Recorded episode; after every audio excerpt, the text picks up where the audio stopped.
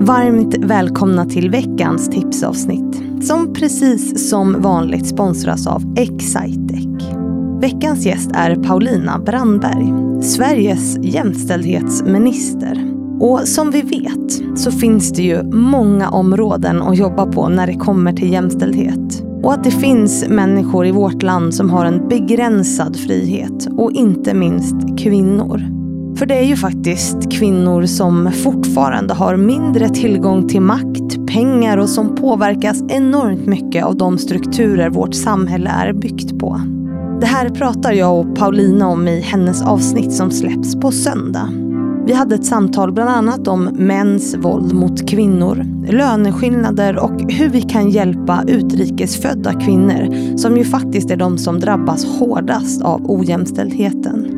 Men vi hade också ett samtal om människans fria val och hur fritt det egentligen är med tanke på de strukturer och normer som styr oss idag. Ja, med andra ord är det ett otroligt spännande avsnitt som släpps på söndag och det vill ni inte missa. Och politiken, ja den vet vi ju är avgörande för att vi ska komma närmre jämställdhet. Så i det här korta avsnittet, och då ska ni få vår jämställdhetsministers tre viktigaste punkter för att göra just det.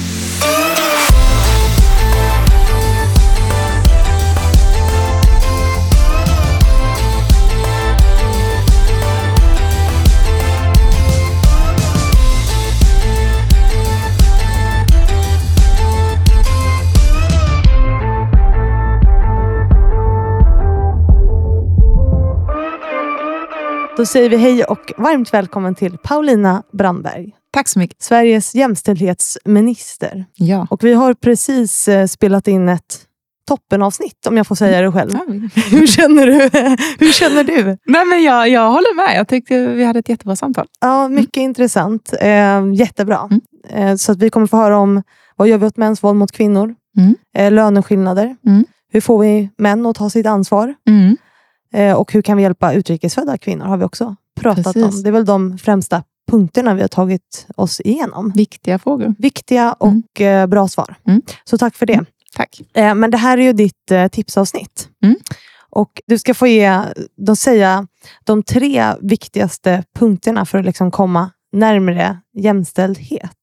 Så jag lämnar över till dig. Ja, nej, men det som jag har som en av mina hjärtefrågor utifrån min tidigare åklagarerfarenhet är ju våld i nära relationer och hedersrelaterat våld och förtryck. Mm. För att jag har sett ex- vilken enorm ofrihet det orsakar. Så att det, är, det är jätte, jätteviktigt att jobba med det och det är viktigt att jobba på nya sätt. För att om vi bara fortsätter att göra som vi tidigare har gjort så kan vi inte förvänta oss något, något annat resultat. Så att det, det är verkligen ja, väldigt ja, högst upp skulle jag säga, på min priolista för att det är ett så akut problem. Mm. Så det, det är en sak som jag, sak. Ja, Ja. som jag kommer jobba med. Sen, sen upplever jag att vi måste jobba, jämställdheten måste vi jobba brett med. Den täcker jättemånga områden och, och jag kan uppleva att det finns vissa områden där, där vi har jobbat alldeles för lite. Mm. Eh, Ett sånt område, det är viktigt att titta på den ekonomiska jämställdheten och då är det naturligt att vi såklart måste titta på de mest utsatta. Men vi måste också titta på hela spektret. Vi måste, och där, där kan jag tycka att vi har tittat för lite på kvinnors, kvinnors företagande. Mm.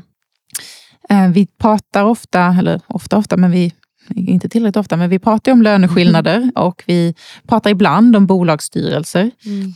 Men vi pratar alldeles för sällan om kvinnor som själva äger och driver bolag. Mm.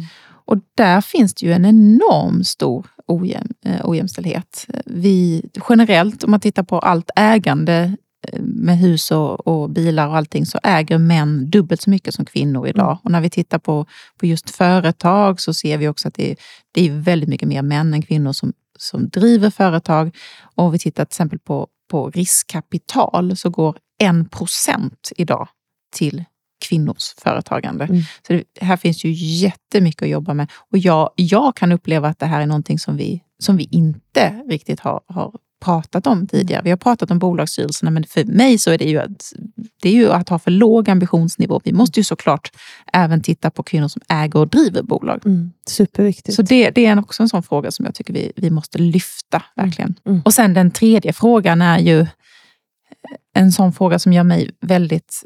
Eh, man vet nästan inte om man ska skratta eller gråta, känner jag, när man tittar på forskning mm. inom ja, men, eh, framförallt medicinsk forskning, men också inom, inom andra områden där så mycket forskning baseras på mäns kroppar snarare än kvinnors kroppar. Mm. Det var ju bara alldeles, alldeles nyligen som man eh, började ta fram en, en krockdocka ja. som är baserad på en kvinnokropp. Mm.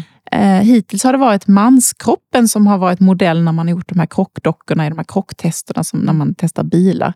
Och trots, trots att kvinnor har fått dubbel, I statistiken så har kvinnor drabbats dubbelt så ofta av whiplashskador än män. Mm. Och ändå så har vi fram tills nu haft män, bara manliga krockdockor. Det är ju helt otroligt att vi 2023 inte har kommit längre i vårt tänk när det gäller den typen av, av forskning och vetenskap. Så det känns också som en sån här men, eh, som sagt, ska man skratta eller gråta att det ser ut det är så här? Helt ja, men det, är, he det är faktiskt helt, helt otroligt. Jag skrattar för att jag tänker att det är lättare. Det är tragikomiskt faktiskt. Ja, men, nej, men lite så. Jag menar, det är ju inget, det är inget det är inte så att det är nytt att vi är hälften kvinnor i den här befolkningen. Nej. Alltså det har vi varit eh, sedan urminnes mm. tider och ändå så, så har vi inte kommit längre i det tänket. Så mm. där måste vi ju också på riktigt eh, skärpa till oss. 100 procent. Ja. Sen är ju du här som förebild idag. Mm. Mm. Jättekul, jättekul. Men då brukar man få säga också om man själv har några förebilder. Och det här är alltid oförberett, för att det spontana svaret är oftast bäst. ja, nej, men det är klart man har, har förebilder. Jag, om jag ska ta inom politiken så tycker jag att, att jag, jag, ty, jag beundrar de som verkligen har ett driv att förändra. Mm. Och verkligen är i politiken av den anledningen att man vill lösa samhällsproblem. Mm. Och en person som, som jag verkligen upplever har det drivet, och, och det här kan, tror jag kan vara en liten oväntad person, för att vi har, vi har skilda politiska åsikter i, i väldigt, väldigt mycket annat. Men det här är en person som verkligen brinner för att för hedersrelaterat våld och förtryck och att lösa, lösa det samhällsproblemet. Mm. Och det är Amineh Kakabaveh, mm.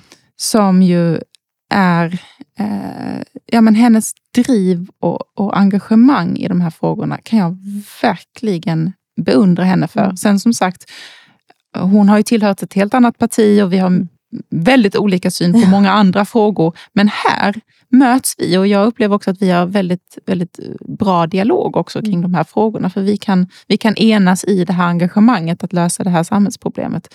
Så att, eh, och inte det som är systerskap också, att kunna mm. förenas trots liksom partipolitiska mm. skillnader och så vidare. Att kunna skilja på sak och person på någonting. Ja, och jag tror, att, jag tror att vi skulle lösa många fler samhällsproblem om vi faktiskt skulle göra så. Att vi skulle fokusera på sakfrågorna, inte se, okej, okay, vem var det nu som tyckte det här? Då kan jag, kan jag hålla med. Mm. Utan, att, utan att titta på sakfrågorna och ja, men här tycker vi ju helt överens. Det spelar ingen roll att vi tycker olika i de här frågorna, för nu diskuterar vi just hedersrelaterat våld och förtryck och här tycker vi samma och då måste vi försöka se hur vi kan jobba framåt tillsammans. För det är så det, jag tror det är helt avgörande att jobba så för att kunna få en samhällsförändring. Då säger vi tack Paulina för att du har varit här och så säger vi åt alla att de ska lyssna på ditt avsnitt helt enkelt. Ja.